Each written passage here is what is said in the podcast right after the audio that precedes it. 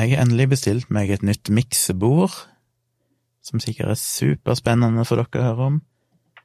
Men uh, jeg spilte inn dialogisk i kveld, og jeg husker jeg begynte å snakke om det, men jeg tror aldri jeg fullførte poenget mitt, for vi spora av, så det ble liksom en sånn innledning om at jeg var kresen på lyd, og så kom det aldri i mål. Men jeg har brukt mange, mange timer på å sitte og um, researche miksebord.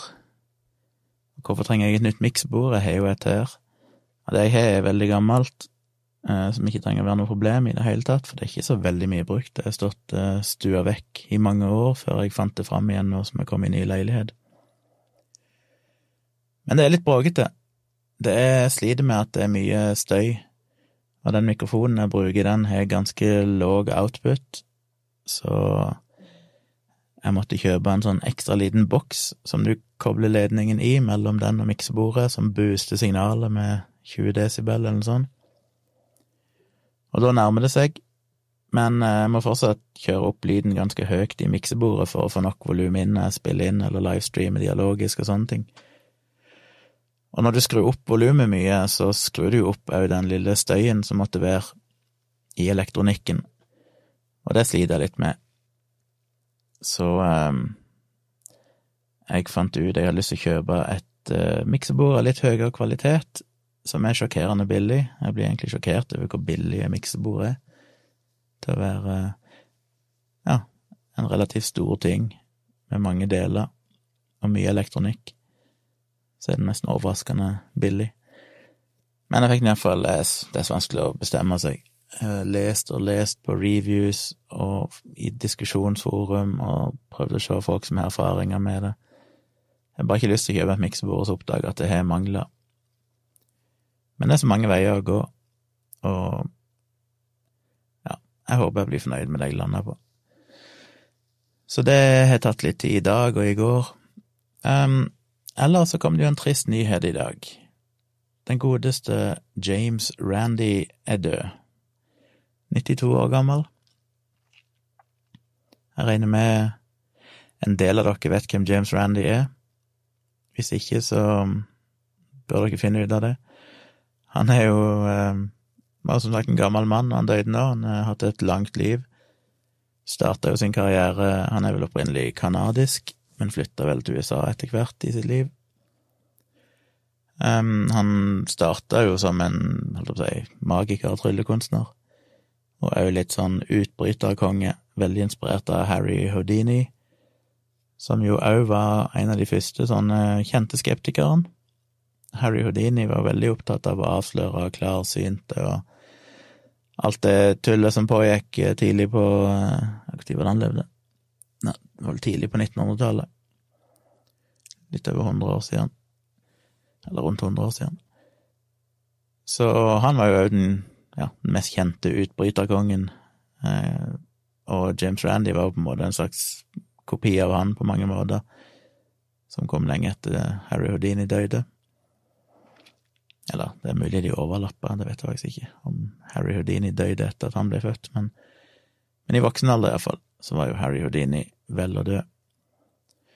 Så eh, James Randy var jo en utbryterkonge, og ble etter hvert òg opptatt av dette med og avsløre sjarlataner.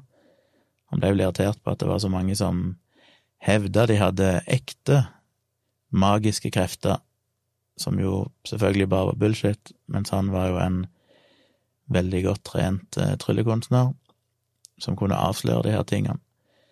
Så han ble jo etter hvert veldig opptatt av det, og ble jo verdenskjent etter hvert utover 70- og 80-tallet fordi han var en entertainer, han var jo veldig smart, underholdende, morsom, og visste å bruke Det er jo det som ofte gjør susen. Du kan ha mange som kanskje var opptatt av de samme tingene som han, og, og sånn, men du må liksom ha de som har den der medietekken, og det hadde jo han. Han klarte jo Han hadde et interessant utseende, han, han var sjarmerende, og kom på de kjente talkshowene i USA og avslørte Uri Geller og mange andre.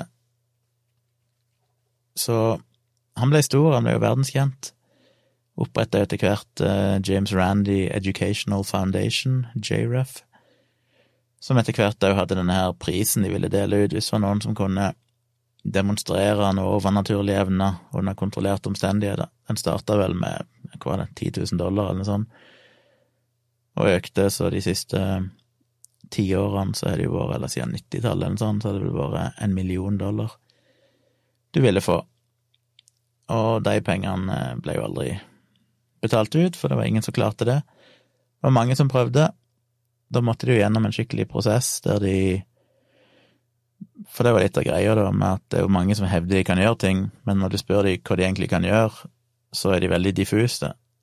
Så det er litt av poenget her, at skal du kunne teste det, så må de si spesifikt og konkret hva er det de mener de kan gjøre, og med hvilken presisjon. Så da utarbeida de jo noen retningslinjer for hver sånn deltaker som eh, meldte seg på for å, vinne, for å ville vinne denne millionen, og blei enige i samråd med dem om betingelsene. Og det var jo veldig viktig, at dette var noe som Det var ikke noe som James Randy Educational Foundation bare pressa på dem og sa dette er reglene. Nei, de utarbeida de sammen med den som skulle testes, for å være sikre på at ikke de kunne komme etterpå og si at nei, men det var urettferdig, for det var sånn og sånn. Så alle var med og utarbeida betingelsene, og hvilke kontrollmekanismer som skulle være der, og hva som kvalifiserte til et eh, vellykka, en vellykka demonstrasjon. Altså hvor mye Hva måtte de gjøre, og med hvilken treffsikkerhet. Og alle var jo sikre på at de ville klare det, og alle feila. Og de fleste av de kom jo etterpå da og sa at nei, det var urettferdig fordi sånn og sånn, som jo var idiotisk ettersom de sjøl hadde vært med å utarbeide nettopp betingelsene og signert på det før de utførte testen. Ellers var det de klassiske unnskyldningene med negative vibrasjoner fra kritiske folk som var i nærheten av sånn. Så James Randy var jo aldri til stede sjøl når dette her ble gjort, og han ville ikke at de skulle bruke det imot han, da, at hvis han var til stede, så ødela han kreftene deres, eller et eller annet sånt. Så det funka aldri. Eh, men det var jo populært. Han er jo eh, utfordra jo for en eh, tiårs tid siden, eller sånn, den godeste Snåsamannen til å gjøre det samme, si at du får en million dollar hvis du demonstrerer disse evnene dine. Andre, sånn som Christian Gundersen, vel, har vel òg lagt penger på bordet, var det 100 000 kroner eller noe sånt, jeg husker ikke, hvis Snåsamannen kunne bevise det han, eller demonstrere sine evner. Men det har jo aldri Snåsamannen tid til. Han er jo for opptatt av å delta på alt mulig annet i den tida han var litt yngre, da. Nå gjør han ikke så veldig mye. Men det er jo ikke så veldig lenge siden sist han var med i en film, og så han har tid til alt som handler om å promotere seg sjøl. Reise på signeringsturneer og delta i dokumentarer og filmer. Men å delta i et forsøk som ville tatt en dag eller to og revolusjonert alt vi vet her i verden, og sannsynligvis kunne ha ført til enorme fremskritt i å redde liv og kurere sykdom, vil han jo ikke. Så sier han at nei, men han er ikke interessert i pengene, det sier de jo alltid. Men det går ikke an å si at hvis du hadde fått en million dollar, så kunne du brukt det til noe fornuftig. Nei, du trenger ikke være interessert i pengene, men hvis du får en million dollar for å delta i noe i en dag, så er det ganske egoistisk å ikke da gjøre det, og så gi deg den million dollaren til den veldedigheten du vil. Han er jo sjøl et sånn senter eller noe sånt for utviklingshemmede, er han ikke det? Han kunne jo brukt pengene på det, for eksempel. Så anyway, det var mye rabalder rundt James Randy. Han eh, Jeg vil jo virkelig oppfordre dere til å sjekke ut den eh, dokumentaren som kom for bare tre, fire, fem år siden. An Honest Liar. En ærlig løgner. For det var en av liksom, de tingene han sa. Han var jo en, han var en løgner, han løy om alt, men han var ærlig om det. I den forstand at når du er tryllekunstner, så er du basically en som lyver. Du sier jo ikke sannheten om de triksene du gjør, men han var ærlig om at han lyver. Så um, ja. Det var trist at han døde. Jeg var heldigvis heldig nok til å treffe han noen ganger. Første gang jeg møtte han, var i 2006. Da var meg og eksen min, altså mor til dattera mi, vi var på en tur i Las Vegas på den første The Amazing Meeting som jeg, eh, som jeg var på. Det var altså en sånn skeptikerkonferanse, den mest sånn kjente og vel største skeptikerkonferansen i verden, som de pleide å ha hver sommer. Ja, de forandra litt på tidspunktet, men hvert år i Las Vegas. Og der var det masse spennende foredragsholdere, det var vitenskapsmenn, det var forskere, mediepersonligheter, tryllekunstnere, kjente skeptikere, som hadde show og holdt foredrag, og det var flere dager med bare god, gode saker. Så vi reiste der, jeg husker vi kom til Las Vegas, og vi bodde jo på det hotellet som konferansen var. Og så husker jeg jeg På det tidspunktet, da, det var jo i 2006, og da hadde jo jeg eh, Ja, det var ikke så mange år tidligere jeg hadde blitt kjent med James Randy, altså funnet ut at han eksisterte.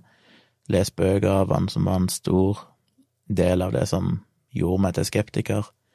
Å lese For før det så trodde jeg på mye rart sjøl, av overnaturlige ting, men han på en måte avkledde de bøkene sine og forklarte alle svindlene han hadde avslørt, og hvorfor dette her var løgn og bedrageri.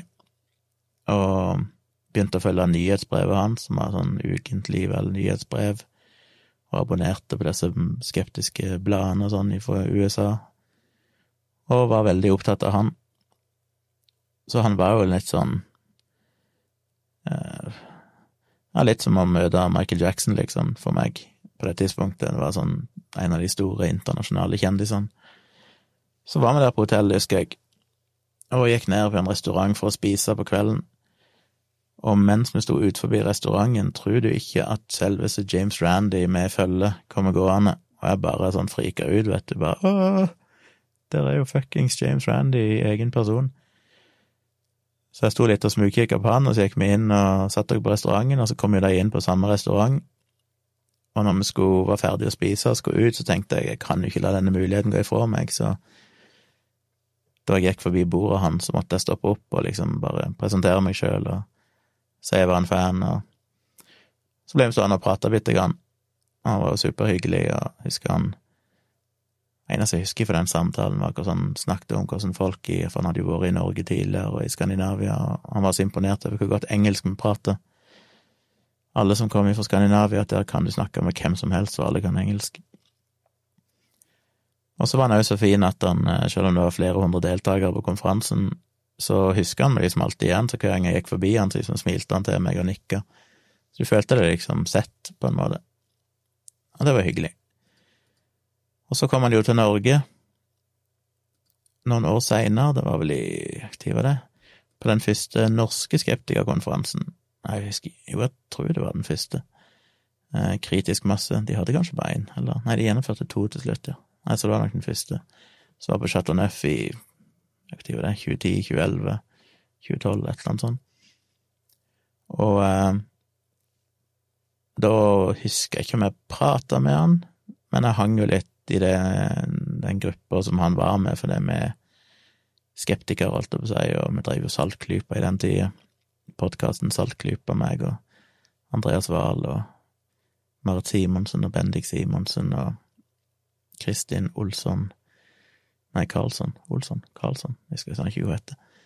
Og ei til. Så eh, jeg husker jeg satt og spiste middag på kvelden og sånn, og han satt med nabobordet. Og så møtte jeg han igjen i forfjor. Da var jo meg og Tone i Las Vegas på nytt. Da var det ikke The Amazing Meeting, for det avvikla de for noen år siden, men da er det egentlig overtatt av noe som heter for CSI-con. Eh, hva er det CSI står for nå igjen? Center for Skeptical Investigations, eller noe sånt. Som er en sånn egen con hvert år. Som jeg har vært på to ganger. En gang i Nashville i 2013, eller noe sånt. Da var vel ikke James Strandy der, tror jeg. Men da vi var der i 2018 sammen med Eirin Eirin, sier Sammen med Eirin, det var ikke 2006. Eh, sammen med Tone. Så møtte man igjen. Og jeg kan ikke huske nå, vi snakka med han, men jeg føler seg utveksla et par Jeg gjorde med det. Jeg er ikke sikker, men her var han iallfall der under hele konferansen. Og så jeg på en måte møtte han eh, tre ganger. Så vidt jeg husker Ja, det kan jo ikke være flere ganger. Jo, jeg var jo i England òg, på en skeptikerkonferanse i London. Der var han vel òg, tror jeg. Det er mulig jeg møtte han fire ganger. Anyway. Det er gøy å ha møtt han, for han er jo en eh, basically en historisk figur, og jeg tror det er lett å undervurdere hans betydning.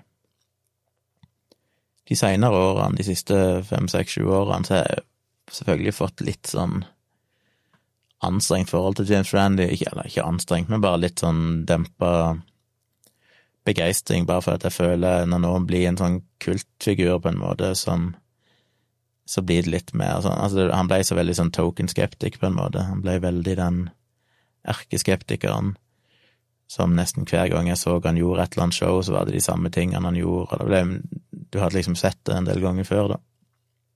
Og eh, han føltes jo litt kanskje av den der gamle sorten, holdt jeg på å si. Altså den typen, den gamle type skeptikeren, ikke alltid like progressiv. Så det ble liksom andre folk som jeg syntes var mer spennende etter hvert.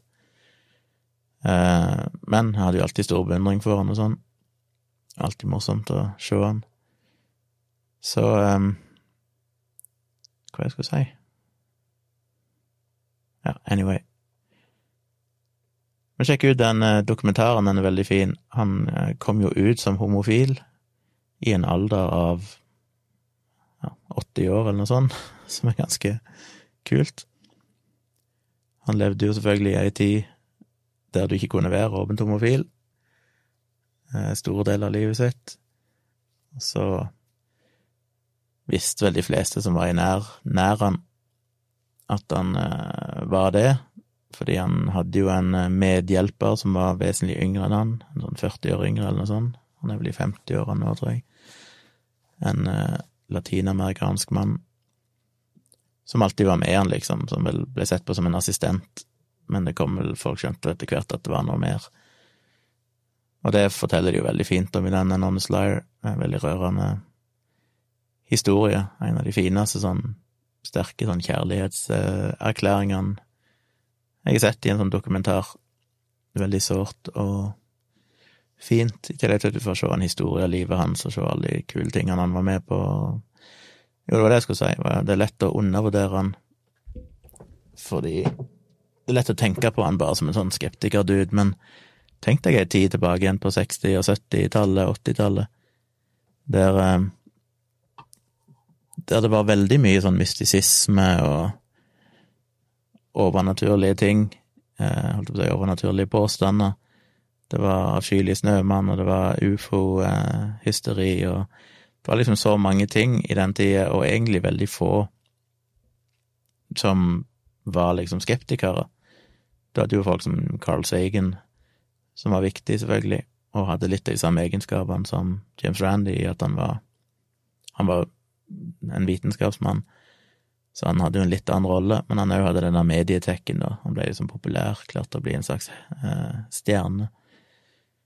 Men det å tenke på hvor hadde vi vært hvis ikke vi hadde folk som James Randy, som så tidlig på en måte valgte å ta avstand fra de tingene og ta et oppgjør med de og demonstrere hvorfor ting, disse tingene var fake, og ikke bare sitte på Facebook og diskutere som vi gjør i dag, men faktisk reiste rundt i hele verden og holdt show og var med på TV-programmer og arrangerte utfordringer og testa folk, og skrev bøker og utallige artikler. og gjorde så mye. Og jeg føler han var jo så viktig for å vekke folk sin bevissthet rundt dette her, at dette er faktisk lureri, og gjorde det på en veldig bra måte. Og selvfølgelig da starta disse skeptiske organisasjonene og har inspirert utallige mennesker. Det er vel ingen som er kjente skeptikere i dag som ikke på en måte er inspirert av James Randy, eller til og med kanskje ble skeptikere i stor grad på grunn av James Randy. Og han var jo aktiv helt til sitt siste, altså som sagt, vi så han jo for to år siden. Eh, da var han jo ganske skrøpelig, satt i rullestol og ble trilla rundt av han eh, kjæresten sin, samboeren sin, men fortsatt aktiv, var på scenen prata og gjorde ting. Så etter det har jeg ikke hørt noe fra han, så var, han var vel kanskje liksom En av de siste tingene han var med på, var kanskje det. Og jeg har ikke hørt noe om han. Han hadde jo en eh, Han regner jo nesten med han kom til å dø for noen år siden, for da husker jeg han fikk trøbbel med hjertet eller noe sånt. Han måtte vel gjennom en hjerteoperasjon. Men da kom han jo tilbake igjen. Det er vel en sånn ti ti års tid siden, eller noe sånt. Eller litt mer, kanskje, jeg vet ikke. Men da var det jo sånn at jeg tenkte sånn, jeez, kan han overleve det, mannen er jo 80 år gammel. Men han kom sterk og fin tilbake igjen av det, og fortsatte sin virksomhet. Så ja, James Randy. Jeg anbefaler både bøkene han har skrevet, selv om de er veldig gamle og litt, føles litt utdaterte nå. Jeg husker jo han drev og snakket om, eh, sist jeg så han, at han eh, jobba med ei bok, mener jeg å huske, at han har hatt ei bok på gang. Så er jeg litt spent på hva som skjer med den, om den eh, om den blir utgitt, om man er ferdig med den, eller om man kan fullføre av noen andre, jeg vet ikke. Men det hadde jo vært et fint siste lite minne fra han. Så det var James Randy.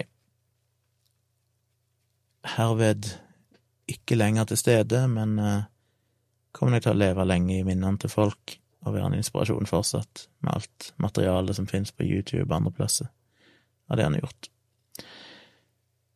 Uh, ja, i morgen skal jeg til øyeklinikken, så jeg må jo komme meg i seng. Det er ikke så mange timer til. Um, Får sjekke ut disse øynene mine, se om det har vært noen bedring. Og ellers så er det vel ikke så fryktelig mye nytt å si. I morgen er det torsdag når jeg skriver det, snakker her nå, eller det er jo torsdag teknisk sett nå, men natt til fredag så er det jo presidentdebatt igjen i USA. Og jeg så ikke den forrige live. Jeg så litt av den, for jeg lå i sengen på mobilen og bare streama bitte grann av den, men jeg, jeg, kunne ikke se hele da. Men jeg er veldig fristet til å sitte oppe og se det. Jeg begynner klokka tre på natta her norsk tid, så det er jo ugudelig tid, men uh, jeg er jo ofte oppe på det tidspunktet uansett. Og jeg får alltid litt sånn kick av å se sånne ting live når det går uh, midt på natta. Det føles alltid som en liten sånn begivenhet. Og ikke minst en unnskyldning til å være oppe. Så det har jeg lyst til å se, vurdere, om jeg skal få med meg. Og så kommer jo dattera mi til helge, så da Det blir godt, for nå er det jo seks uker siden sist hun var her. Skal egentlig komme hver tredje helg nå, og for tre helger siden skulle hun egentlig være her lenger på grunn av høstferie. Eller vi skulle vel egentlig reise til Tonstad og være sammen med henne der. Men på grunn av korona og sånn, så ble det ikke noe av det, som dere har hørt før, så derfor er det nå halvannen måned siden jeg så henne, og det syns jeg er noe dritt. Så det er godt hun skal komme tilbake igjen, endelig. Håper vi får uh, finne på noe gøy å gjøre. Ja, så da høres vi igjen i morgen kveld. Så får vi se om øynene mine har overlevd.